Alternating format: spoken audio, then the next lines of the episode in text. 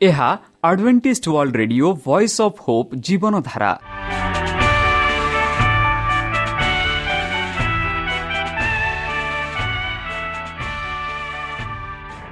Odia radio କାର୍ଯ୍ୟକ୍ରମ ଯାହା ଆମର ଆନ୍ତର୍ଜାତୀୟ ଆଘାତ କେନ୍ଦ୍ରରୁ ପ୍ରସାରଣ କରାଯାଉଛି ପ୍ରତିଦିନ ରାତି ନଅଟା ତିରିଶ ମିନିଟ୍ରେ। ମୁଁ ସୁବ୍ରତ କୁମାର ପତି ପ୍ରେମର ସହ ଆପଣମାନଙ୍କୁ ଏହି କାର୍ଯ୍ୟକ୍ରମକୁ ସ୍ୱାଗତ କରୁଅଛି। ଚାଲନ୍ତୁ ଆଜିର ତିରିଶ ମିନିଟ୍ର କାର୍ଯ୍ୟକ୍ରମ ବିଷୟରେ ଜାଣିନେବା। ପ୍ରଥମେ ରଖିଛୁ ଆଧ୍ୟାତ୍ମିକ ଭକ୍ତିମୟ ଗୀତ। ଏହାପରେ ଶୁଣିବା ସ୍ୱାସ୍ଥ୍ୟ ବିଷୟରେ ଯାହା ଆମର ଦୈନିକ ଜୀବନରେ ଅତ୍ୟନ୍ତ ଜରୁରୀ। ଆଉ ପରିଶେଷରେ ଶୁଣିବା ପରମେଶ୍ୱରଙ୍କ ଭକ୍ତଙ୍କଠାରୁ ଜୀବନଦାୟକ ଈଶ୍ୱରଙ୍କ ବାକ୍ୟ। ପ୍ରିୟ ଶ୍ରୋତା ତାହେଲେ ଚାଲନ୍ତୁ ଶୁଣିବା ଏକ ଆଧ୍ୟାତ୍ମିକ ଭକ୍ତିମୟ ଗୀତ।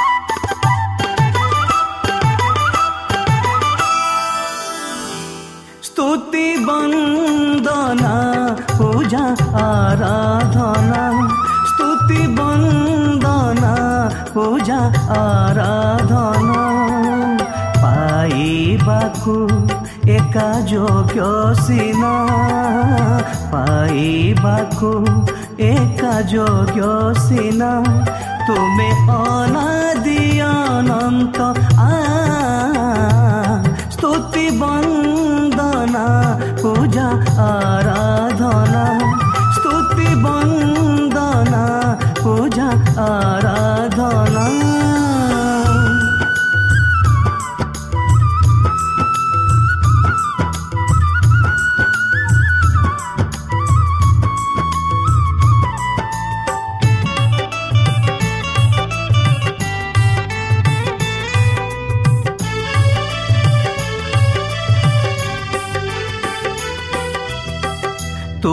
ଅଟ ପ୍ରଭୁ ରାଜାଧିରାଜନ ସୃଷ୍ଟିର କରତା ତୁମେ ସର୍ବଶକ୍ତିମାନ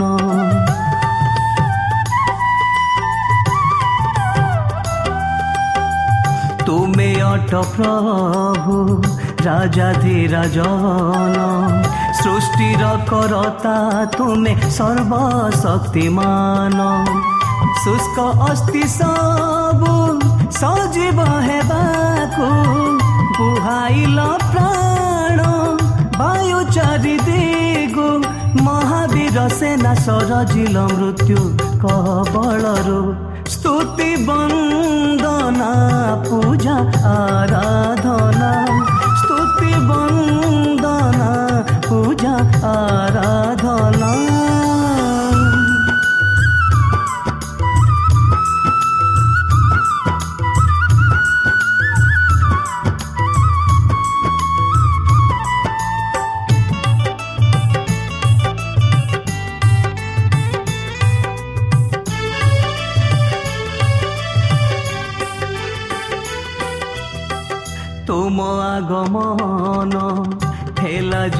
ଦେଶେ ପ୍ରଶଂସା ସ୍ତୁତି ଗାନରେ ଉଠିଲା ଉଲ୍ଲାସେ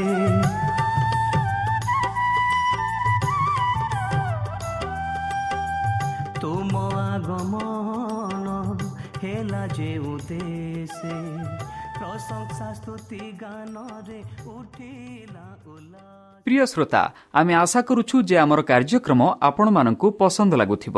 ଆପଣଙ୍କର ମତାମତ ଜଣାଇବା ପାଇଁ ଆମର ଏହି ଠିକଣାରେ ଯୋଗାଯୋଗ କରନ୍ତୁ ଆମ ଠିକଣା Adventist media centre SDA mission compound Salisbury Park Pune ଚାରି ଏକ ଏକ ଶୂନ ତିନି ସାତ ମହାରାଷ୍ଟ୍ର ବା ଖୋଲନ୍ତୁ ଆମର ୱେବସାଇଟ୍ ଯେକୌଣସି Android phone smartphone desktop laptop କିମ୍ବା ଟ୍ୟାବ୍ଲେଟ୍ ଆମର website W W W dot A W R dot O R G slash O R I ଏବଂ W W W dot advantage media centre India dot O R G ବର୍ତ୍ତମାନ ଚାଲନ୍ତୁ ଶୁଣିବା ଈଶ୍ୱରଙ୍କ ଭକ୍ତଙ୍କଠାରୁ ଈଶ୍ୱରଙ୍କ ଜୀବନଦାୟକ ବାକ୍ୟ।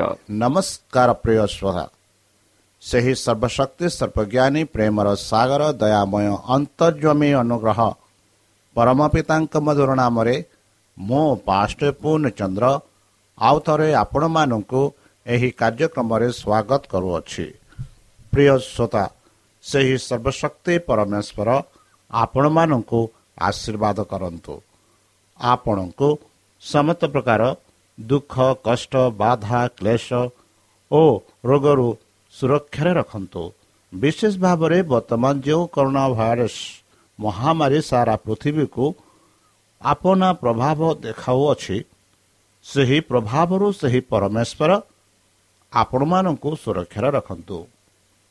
ତାହାଙ୍କ ପ୍ରେମ ତାହାଙ୍କ ସ୍ନେହ ତାହାଙ୍କ କୃପା ତାହାଙ୍କ ଶାନ୍ତି ଆଉ ତାହାଙ୍କ ଅନୁଗ୍ରହ ସଦାସର୍ବଦା ଆପଣଙ୍କଠାରେ ସହବର୍ତ୍ତୀ ରହୁ।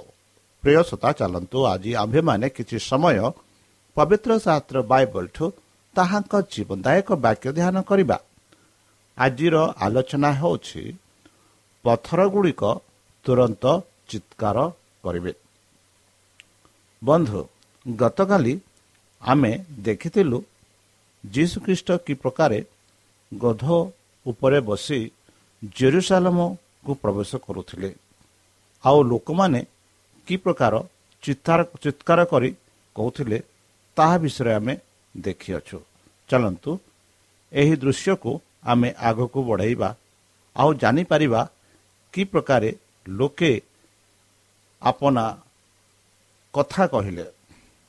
ଯେପରିକି ଅନେକ ଫାରୁସି ଏହି ଦୃଶ୍ୟର ସାକ୍ଷୀ ରହିଲେ ଏବଂ ଈର୍ଷା ଏବଂ ଦୁଷ୍କର୍ମର ଜଲିଗଲେ ଲୋକପ୍ରିୟ ଭାବନାକୁ ବଦଳାଇବାକୁ ଚେଷ୍ଟା କଲେ କଲେ ସେମାନଙ୍କ ସମସ୍ତ ଅଧିକାର ସହିତ ସେମାନେ ଲୋକମାନଙ୍କୁ ନିରବ କରିବାକୁ ଚେଷ୍ଟା କଲେ।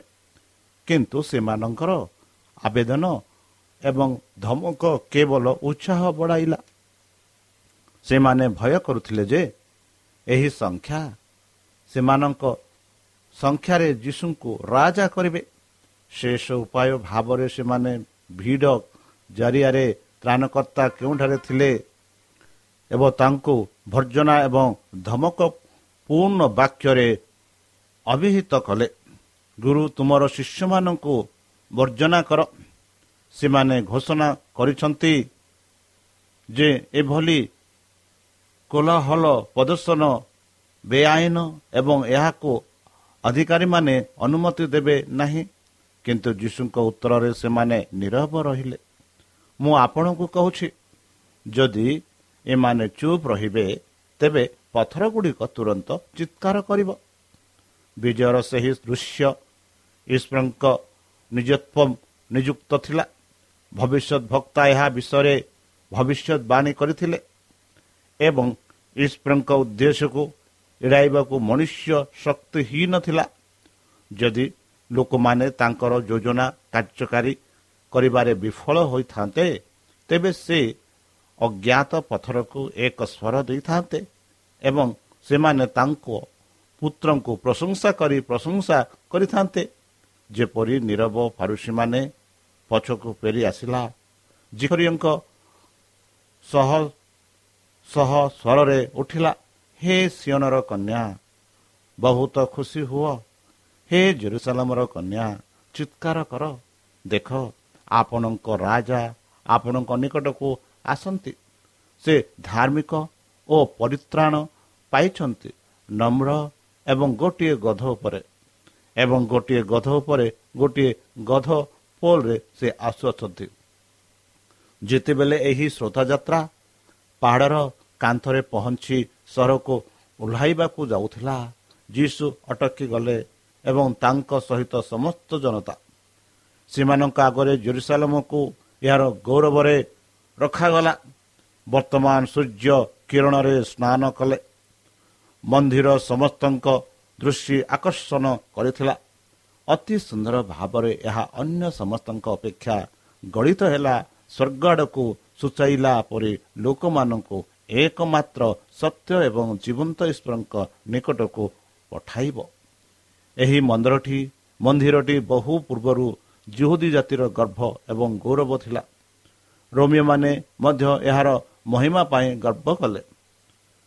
ରୋମିଓମାନଙ୍କ ଦ୍ୱାରା ନିଯୁକ୍ତ ଜଣେ ରାଜା ଏହାକୁ ପୁନଃନିର୍ମାଣ ଏବଂ ସଜାଇବା ପାଇଁ ଯୁଦୀମାନଙ୍କ ସହ ମିଳିତ ହୋଇଥିଲେ ଏବଂ ରୋମର ସମ୍ରାଟ ଏହାକୁ ଉପହାରରେ ସମୃଦ୍ଧ କରିଥିଲେ ଏହାର ଶକ୍ତି ସମୃଦ୍ଧତା ଏବଂ ମହିମା ଏହାକୁ ଦୁନିଆର ଏକ ଚମତ୍କାର କରିପାରିଥିଲା ପାଶ୍ଚାତ୍ୟ ସୂର୍ଯ୍ୟ ଆକାଶକୁ ଲସି ଉଠୁଥିବା ବେଳେ ଏହାର ଚମତ୍କାର ଗୌରବ ମନ୍ଦିର କାନ୍ଥର ଶୁଦ୍ଧ ଧଳା ମାର୍ବଲକୁ ଆଲୋକିତ କରି ଏହାର ସୁବର୍ଣ୍ଣ ସ୍ତମ୍ଭରେ ଲସି ଉଠିଲା ଯୀଶୁ ଏବଂ ତାଙ୍କ ଅନୁଗାମୀମାନେ ଠିଆ ହୋଇଥିବା ପାହାଡ଼ର ଶିଖରରୁ ଏହା ତୁଷାରର ଏକ ବିରାଟ ଗଠନର ରୂପ ଧାରଣା କରିଥିଲା ଯାହା ସୁବର୍ଣ୍ଣରେଖା ସହିତ ସ୍ଥାପିତ ହୋଇଥିଲା।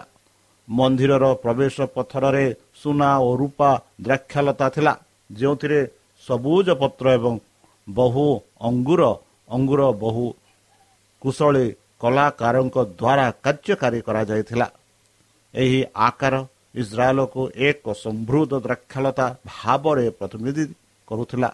ସୁନା ରୂପା ଏବଂ ଜୀବନ୍ତ ସବୁଜ ବିରଳ ସ୍ୱାଦ ଏବଂ ସୂକ୍ଷ୍ମ କାରୁକାର୍ଯ୍ୟ ସହିତ ମିଳିତ ହେଲା।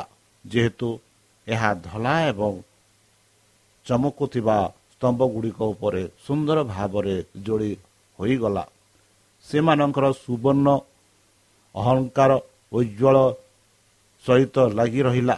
ଏହା ସୂର୍ଯ୍ୟୋଦୟର ସୂର୍ଯ୍ୟଙ୍କ ମହିମାକୁ ଧରିଲା ଯେପରି ସ୍ୱର୍ଗରୁ ନେଇଥିବା ଗୌରବ ଭଳି। ବନ୍ଧୁ ଯୀଶୁ ଘଟଣାସ୍ଥଳକୁ ଚାହିଁ ରହିଲେ ଏବଂ ବହୁ ସଂଖ୍ୟାରେ ଲୋକ ସେମାନଙ୍କୁ ପାଟି କରି ସୌନ୍ଦର୍ଯ୍ୟର ହଠାତ୍ ଦର୍ଶନ ଦ୍ୱାରା ମନ୍ତ୍ର ଉଚ୍ଚାରଣ କଲେ। ସମସ୍ତ ଆଖି ତ୍ରାଣକର୍ତ୍ତା ଆଡ଼କୁ ଚାହୁଁଥାଏ। ତାଙ୍କ ମୁହଁରେ ସେମାନେ ନିଜେ ଅନୁଭବ କରୁଥିବା ଆଶା ଦେଖିଲେ। କିନ୍ତୁ ଏହା ବଦଳରେ ସେମାନେ ଦୁଃଖର ମେଘ ଦେଖନ୍ତି।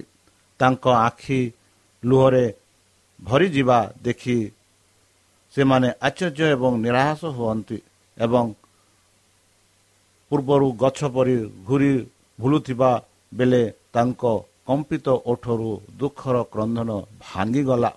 ଯେପରି ଭଙ୍ଗା ହୃଦୟ ଗଭୀରତାରୁ ସ୍ୱର୍ଗଦୂତମାନଙ୍କ ପାଇଁ ଏହା କେତେ ଦୃଶ୍ୟ ଥିଲା। କାନ୍ଦୁଥିବା ଯନ୍ତ୍ରଣାରେ ସେମାନଙ୍କର ପ୍ରିୟ କମାଣ୍ଡର ଆନନ୍ଦ ଜନତାଙ୍କ ପାଇଁ ଏହା ଏକ ଦୃଶ୍ୟ ଥିଲା ଯେ ବିଜୟର ଚିତ୍କାର ଏବଂ ଖଜୁରୀ ଶାଖା ତରଙ୍ଗ ତାଙ୍କୁ ଗୌରବମୟ ସହରକୁ ନେଇଯାଇଥିଲା ଯେଉଁଠାରେ ସେମାନେ ଆଶା କରୁଥିଲେ ଯେ ସେ ରାଜତ୍ୱ କରିବାକୁ ଯାଉଛନ୍ତି।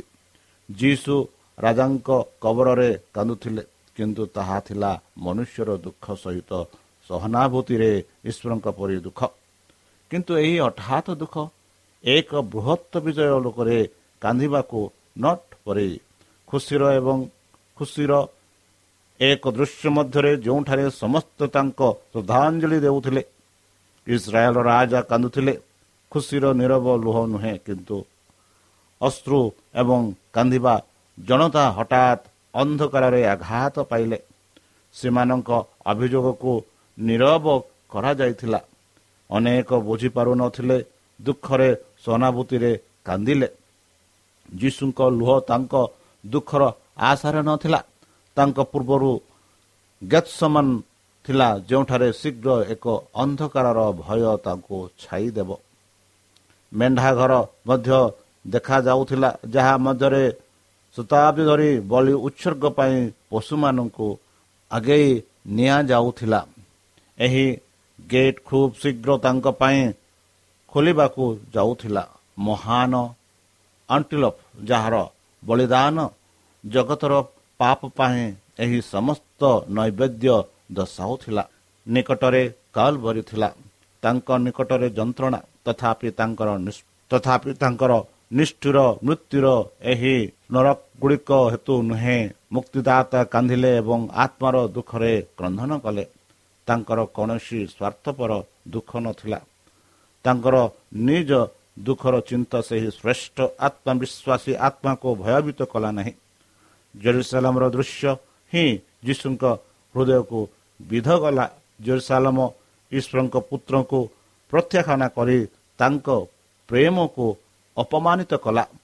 ସେ ତାଙ୍କର ଶକ୍ତିଶାଳୀ ଚମତ୍କାର ଦ୍ୱାରା ବିଶ୍ୱାସ କରିବାକୁ ମନା କରିଦେଲେ ଏବଂ ତାଙ୍କ ଜୀବନ ନେବାକୁ ଯାଉଥିଲେ।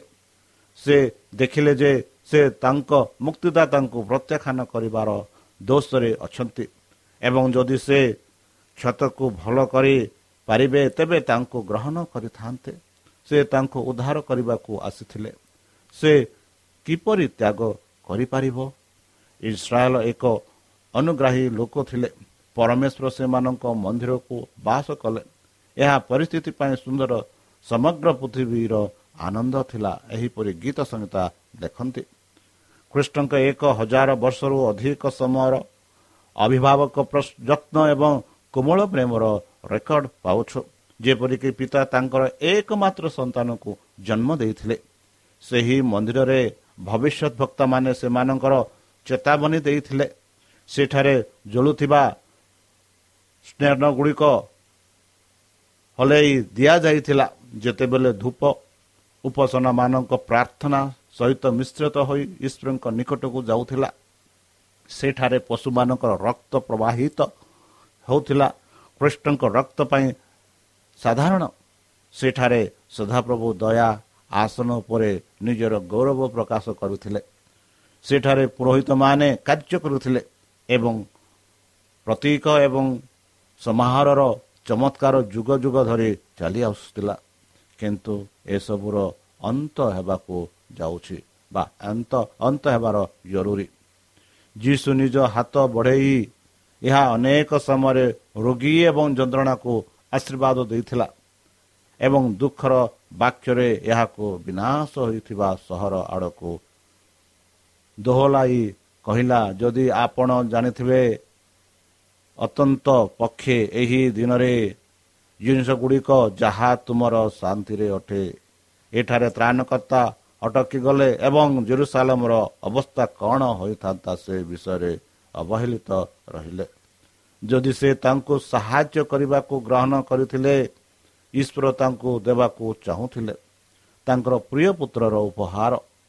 ଯଦି ଜେରୁସାଲମ ଜାଣିଥାନ୍ତେ ଏହା ଜାଣିବା ତାଙ୍କର ସୌଭାଗ୍ୟର ବିଷୟ ଥାନ୍ତା ଏବଂ ସ୍ୱର୍ଗ ତାଙ୍କୁ ପଠାଇଥିବା ଆଲୋକକୁ ଧ୍ୟାନ ଦେଇଥାନ୍ତେ ତେବେ ସେ ହୁଏତ ସମୃଦ୍ଧିର ଗର୍ଭର ରାଜ୍ୟ ରାଣୀ ଈଶ୍ୱରଙ୍କ ଦ୍ୱାରା ଦିଆଯାଇଥିବା ଶକ୍ତିର ଶକ୍ତିର ମୁକ୍ତ ହୋଇଥାନ୍ତେ ତାଙ୍କ ଫାଟକରେ କୌଣସି ସଶସ୍ତ୍ର ସୈନିକ ଠିଆ ହୋଇନଥାନ୍ତେ କିମ୍ବା ରୋମିଓ ବ୍ୟାନର ତାଙ୍କ କାନ୍ଥରୁ ହାତ ବୁଲାଇ ନଥାନ୍ତେ ଗୌରବମୟ ଭାଗ୍ୟ ଯାହା ଜେରୁସାଲମକୁ ଆଶୀର୍ବାଦ ଦେଇଥାନ୍ତା ଯଦି ସେ ତାଙ୍କ ମୁକ୍ତିଦାତାଙ୍କୁ ଗ୍ରହଣ କଲେ ଈଶ୍ୱରଙ୍କ ପୁତ୍ରଙ୍କୁ ଆଗେଇ ଉଠିଲେ ସେ ଦେଖିଲେ ଯେ ତାଙ୍କ ମଧ୍ୟରେ ସେ ହୁଏତ ତାଙ୍କ ଦୁଃଖ ରୋଗରୁ ସୁସ୍ଥ ହୋଇଥିଲେ ଦାସତ୍ୱ ମୁକ୍ତ ହୋଇ ପୃଥିବୀର ଶକ୍ତିଶାଳୀ ମହାନଗର ଭାବରେ ପ୍ରତିଷ୍ଠିତ ହୋଇଥିବେ ତାର କାନ୍ଥରୁ ଶାନ୍ତି କୁପତ ସବୁ ଦେଶକୁ ଯାଇଥାନ୍ତା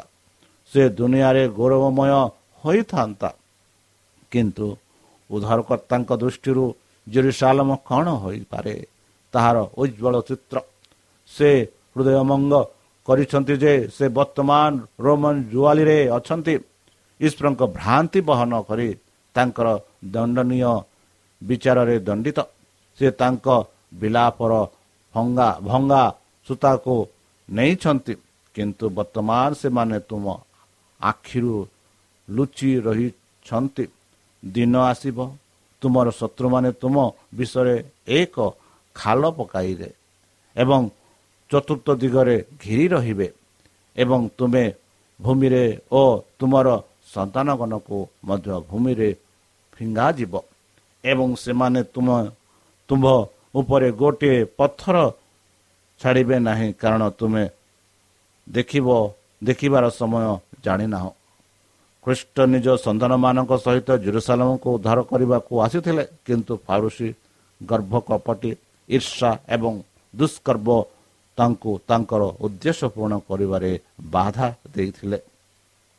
ଯୀଶୁ ଜାଣିଥିଲେ ଭୟଙ୍କର ଦଣ୍ଡ ଯାହା ବିନାଶକାରୀ ସହର ଉପରେ ପରିଦର୍ଶନ କରାଯିବ।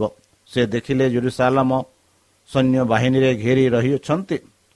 ଅବରୋଧୀ ବାସିବାନ୍ଧୀମାନେ ଅନାହାର ଓ ମୃତ୍ୟୁକୁ ନେଇଯାଇଛନ୍ତି। ମା ମାନେ ନିଜ ସନ୍ତାନର ମୃତ୍ୟୁଦେହକୁ ଖାଇବାକୁ ଦେଉଛନ୍ତି ଏବଂ ଭୟ ଉଭୟ ପିତାମାତା ଓ ପିଲାମାନେ ପରସ୍ପର ଠାରୁ ଶ୍ରେଷ୍ଠ ଖାଦ୍ୟ ଖାଉଛନ୍ତି। ପ୍ରାକୃତିକ ସ୍ନେହ ଜ୍ୱଳନ୍ତ ଦ୍ୱାରା ନଷ୍ଟ ହୋଇଯାଇଛି। କ୍ଷୁଦା ସେ ଦେଖିଲେ ଯେ ଯୁଦୀମାନଙ୍କର ଯେପରି ତାଙ୍କର ପରିତ୍ରାଣକୁ ପ୍ରତ୍ୟାଖ୍ୟାନ କଲା ସେମାନଙ୍କୁ ମଧ୍ୟ ଆକ୍ରମଣ କରା ସୈନ୍ୟବାହିନୀ ବାରଣ କରିବାକୁ ବାରଣ କରିବ। ସେ କଲବରି ଦେଖିଲେ ଯାହା ଉପରେ ତାଙ୍କୁ ଉପରକୁ ଉଠାଯାଇ ଉଠାଯିବ। ଜଙ୍ଗଲ ଗଛ ପରି ମୋଟା କୃଷରେ ସେଟ୍ କରାଯାଇଥିଲା। ସେ ଦେଖିଲେ ଯେ ବୃଦ୍ଧତ୍ୱ ବାନ୍ଧିସା ମାନେ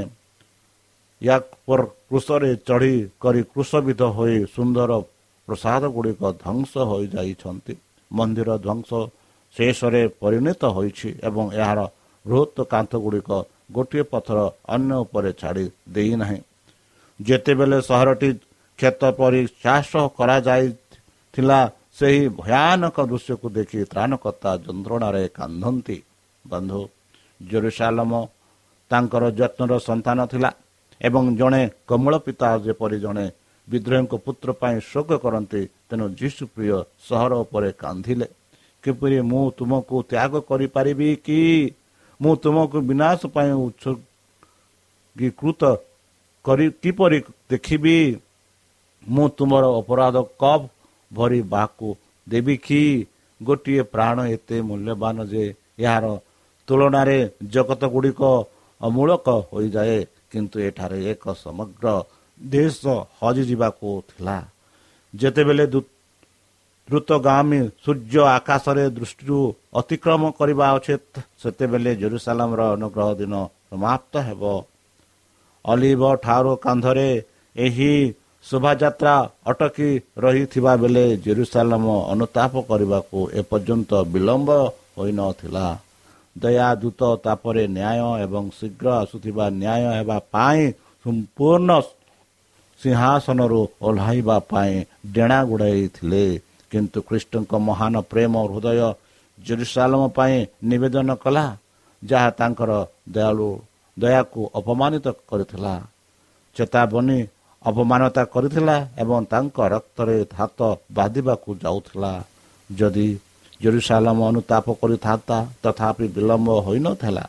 ସୂର୍ଯ୍ୟ ଅସ୍ତ ହେବାର ଶେଷ କିରଣ ମନ୍ଦିର ଟାୱାର ଏବଂ ଶିଖରରେ ରହିଥିବା ବେଳେ କିଛି ଭଲ ଦୂତ ତାଙ୍କୁ ତ୍ରାଣକର୍ତ୍ତାଙ୍କ ପ୍ରେମକୁ ନେଇଯିବେ କାହିଁକି? ଭବିଷ୍ୟତ ଭକ୍ତମାନଙ୍କୁ ପଥର ପିଜିଥିବା ଈଶ୍ୱରଙ୍କ ପୁତ୍ରଙ୍କୁ ପ୍ରତ୍ୟାଖ୍ୟାନ କରୁଥିବା ସୁନ୍ଦର ଏବଂ ଅପରିଷ୍କାର ସହର ଦାସତ୍ୱ ବନ୍ଧନରେ ନିଜକୁ ଅସହଯୋଗ କରି ତାଲା ପକାଉଥିଲା।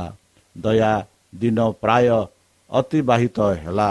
ତଥାପି ପୁନର୍ବାର ଈଶ୍ୱରଙ୍କ ଆତ୍ମା ଜେରୁସାଲାମ ସହିତ କଥା ହୁଅନ୍ତି। ଦିନ ସରିବା ପୂର୍ବରୁ ଅନ୍ୟ ଏକ ସାକ୍ଷ୍ୟ ଖ୍ରୀଷ୍ଟଙ୍କ ନିକଟରେ ବହନ କରେ। ଭବିଷ୍ୟତବାଣୀ ଭବିଷ୍ୟତର ଆହ୍ୱାନର ଜବାବ ଦେଇ ସାକ୍ଷୀଙ୍କ ସ୍ୱର ଉପରକୁ ଉଠିଲା। ଯଦି ଜେରୁସାଲମ ଡାକ ଶୁଣିବ ଯଦି ସେ ନିଜ ଦ୍ୱାରରେ ପ୍ରବେଶ କରିବା ତ୍ରାଣକର୍ତ୍ତାଙ୍କୁ ଗ୍ରହଣ କରିବ ତେବେ ସେ ଏପର୍ଯ୍ୟନ୍ତ ଉଦ୍ଧାର ପାଇପାରିବ। ବନ୍ଧୁ ଜେରୁସାଲମର ଶାସକମାନଙ୍କ ନିକଟରେ ଖବର ପହଞ୍ଚିଛି। ଯେ ଯୀଶୁ ବହୁ ସଂଖ୍ୟାରେ ଲୋକଙ୍କ ସହ ସହରକୁ ଆସୁଛନ୍ତି କିନ୍ତୁ ଈଶ୍ୱରଙ୍କ ପୁତ୍ରଙ୍କ ପାଇଁ ସେମାନଙ୍କ କୌଣସି ସ୍ୱାଗତ ନାହିଁ। ଭୟରେ ସେମାନେ ଭିଡ଼କୁ ବିସର୍ଜନ କରିବାକୁ ଆଶା କରି ତାଙ୍କୁ ଭେଟିବାକୁ ବାହାରକୁ ଯାଆନ୍ତି। ଏହି ଶୋଭାଯାତ୍ରା ଅଲିଭ ପର୍ବତକୁ ଓହ୍ଲାଇବାକୁ ଯାଉଥିବାରୁ ଏହାକୁ ଶାସକମାନେ ବାଧା ଦେଇଛନ୍ତି। ସେମାନେ ଆଶାନ୍ତ ଆନନ୍ଦର କାରଣ ପଚାରନ୍ତି ଯେତେବେଳେ ସେମାନଙ୍କୁ ପ୍ରଶ୍ନ କରନ୍ତି ଏହା କିଏ? ଶିଶୁମାନେ ପ୍ରେରଣା ଆତ୍ମାରେ ପରିପୂର୍ଣ୍ଣ ଏହି ପ୍ରଶ୍ନର ଉତ୍ତର ଦିଅନ୍ତି ବକ୍ତବ୍ୟର ସେମାନେ ଖ୍ରୀଷ୍ଟଙ୍କ ବିଷୟରେ ଭବିଷ୍ୟତବାଣୀ ଗୁଡ଼ିକ ପୁନର୍ଭୂତିତ କରନ୍ତି। ଆଦମ ତୁମକୁ କହିବେ ନାରୀର ଜୀବ ହିଁ ସର୍ପର ମୁଣ୍ଡକୁ ଆଘାତ କରିବାକୁ ଅବ୍ରାହ୍ମଙ୍କ ପଚାର। ସେ ତୁମକୁ କହିବେ ଏହା ହେଉଛି ସାଲମ ମଲିସ୍ୱେଦର ରାଜା ଶାନ୍ତିର ରାଜା ଜାକୁବ ଆପଣଙ୍କୁ କହିବେ ଯେ ଯୋଉଦାର ବଂଶର ଶିଲ ଜିସାୟ ଆପଣଙ୍କୁ କହିବେ ଇମାନୁଏଲ ଚମତ୍କାର ପରାମର୍ଶ ପରାମର୍ଶଦାତା ପରାକ୍ରମୀ ଈଶ୍ୱର ଅନନ୍ତ ପିତା ଶାନ୍ତିର ରାଜକୁମାର ଏହିପରି ଜିସାୟ କହିବେ। ଯଦି ଜିରିମୟକୁ ପଚାରିବ ସେ କହିବେ ଦାଉଦଙ୍କ ଶାଖା ପ୍ରଭୁ ଆମର ଧାର୍ମିକତା ଯଦି ଦାନିଏଲକୁ ପଚାରିବ ସେ କହନ୍ତି ସେ ହେଉଛନ୍ତି ଖ୍ରୀଷ୍ଟ ଯଦି ହୁସାଇକୁ ପଚାରିବେ ସେ କହିବେ ପ୍ରଭୁ ତାଙ୍କ ଦୃଷ୍ଟି ଅଟନ୍ତି। ଆଉ ଯଦି ବାପ୍ଟିଜକୁ ପଚାରିବେ ସେ କହିବେ ଈଶ୍ୱରଙ୍କ ମେଷ ଶାବକ ଯିଏ ଜଗତ ପାପ ଦୂର କରନ୍ତି ବନ୍ଧୁ ସେହି ରାଜା ବର୍ତ୍ତମାନ ଏହି ପୃଥିବୀ ଛାଡ଼ି ସ୍ୱର୍ଗ ରାଜ୍ୟକୁ ଯାଇଛନ୍ତି ସେ ବହୁ ଶୀଘ୍ର ଆସିବେ। ଆଉ ତୁମକୁ ଆମକୁ ସେହି ସ୍ୱର୍ଗ ରାଜ୍ୟକୁ ନେଇଯିବେ। ଯଦି ତୁମେ ତାଙ୍କଠାରେ ବିଶ୍ୱାସ କରୁଛ ତାହେଲେ ଚାଲନ୍ତୁ ନିଜକୁ ସମର୍ପଣ କରି ତାଙ୍କଠାରେ ଆମେ ପ୍ରାର୍ଥନା ଉତ୍ସର୍ଗ କରିବା। ହେ ଆମ୍ଭମାନଙ୍କ ସର୍ବଶକ୍ତି ସର୍ବଜ୍ଞାନୀ ପ୍ରେମର ସାଗର ଦୟାମୟ ଅନ୍ତର୍ଜମୀ ଅନୁଗ୍ରହ ପିତା। ଧନ୍ୟବାଦ ଅର୍ପଣ କରୁଛୁ ପ୍ରଭୁ ବର୍ତ୍ତମାନ ଯେଉଁ ବାକ୍ୟ ତୁମ ସେହି ଭକ୍ତଙ୍କ ଦ୍ୱାରା ଶୁଣାଇଲେ ସେହି ବାକ୍ୟ ଅନୁସାରେ ଏମାନଙ୍କୁ ଚାଲିବା ପାଇଁ ବୁଦ୍ଧିରେ ଜ୍ଞାନରେ ଶକ୍ତିରେ ପରିପୂର୍ଣ୍ଣ କର। ଆମ ପାପ ସବୁ ତୁମ ସେହି ବହୁମୂଲ୍ୟ ରକ୍ତରେ ପରିଷ୍କାର କରି ଧରିଦିଅ ଆଉ ପରିଶେଷ ଯେବେ ତୁମେ ତୁମ ସେହି ସହସ୍ର ଦୂତଙ୍କ ସହ ଆସିବେ ଆପଣ ସାଧୁମାନଙ୍କୁ ସଂଗ୍ରହ କରିବା ନିମନ୍ତେ ସେତେବେଳେ ଆମମାନଙ୍କୁ ଏକ ବାସ ସ୍ଥାନ ଦିଅ ବୋଲି ପ୍ରାଣକର୍ତ୍ତା ପ୍ରଭୁ ଯୀଶୁଙ୍କ ମଧୁମୟ ନାମରେ ଏହି ଛୋଟ ବିକ୍ଷମ ଅଛି ଶୁଣି ଗ୍ରହଣ କର। ପ୍ରିୟ ଶ୍ରୋତା ଆମେ ଆଶା କରୁଛୁ ଯେ ଆମର କାର୍ଯ୍ୟକ୍ରମ ଆପଣମାନଙ୍କୁ ପସନ୍ଦ ଲାଗୁଥିବ। ଆପଣଙ୍କର ମତାମତ ଜଣାଇବା ପାଇଁ ଆମର ଏହି ଠିକଣାରେ ଯୋଗାଯୋଗ କରନ୍ତୁ। ଆମ ଠିକଣା Adventist media centre SDA mission compound Salisbury Park Pune ଚାରି ଏକ ଏକ ଶୂନ ତିନି ସାତ ମହାରାଷ୍ଟ୍ର। ବା ଖୋଲନ୍ତୁ ଆମର ୱେବସାଇଟ୍ ଯେକୌଣସି Android phone smartphone desktop laptop କିମ୍ବା ଟ୍ୟାବ୍ଲେଟ୍ ଆମର website W W W dot A W R dot O R G slash O R I ଏବଂ W W W dot advantage media centre India dot O R G advantage media centre ଇଣ୍ଡିଆର spelling ହେଉଛି A D V E D I A C E N T R E I N D I A ଅଥବା download କରନ୍ତୁ ଆମର mobile app ଆପଣଙ୍କର mobile play ଷ୍ଟୋରକୁ ଯାଆନ୍ତୁ ଆଉ type କରନ୍ତୁ ଦ ଭଏସ୍ ଅଫ୍ ପୋପ୍ ଆଉ ଡାଉନଲୋଡ୍ କରନ୍ତୁ। ଈଶ୍ୱର ଆପଣଙ୍କୁ ଆଶୀର୍ବାଦ କରନ୍ତୁ। ଧନ୍ୟବାଦ।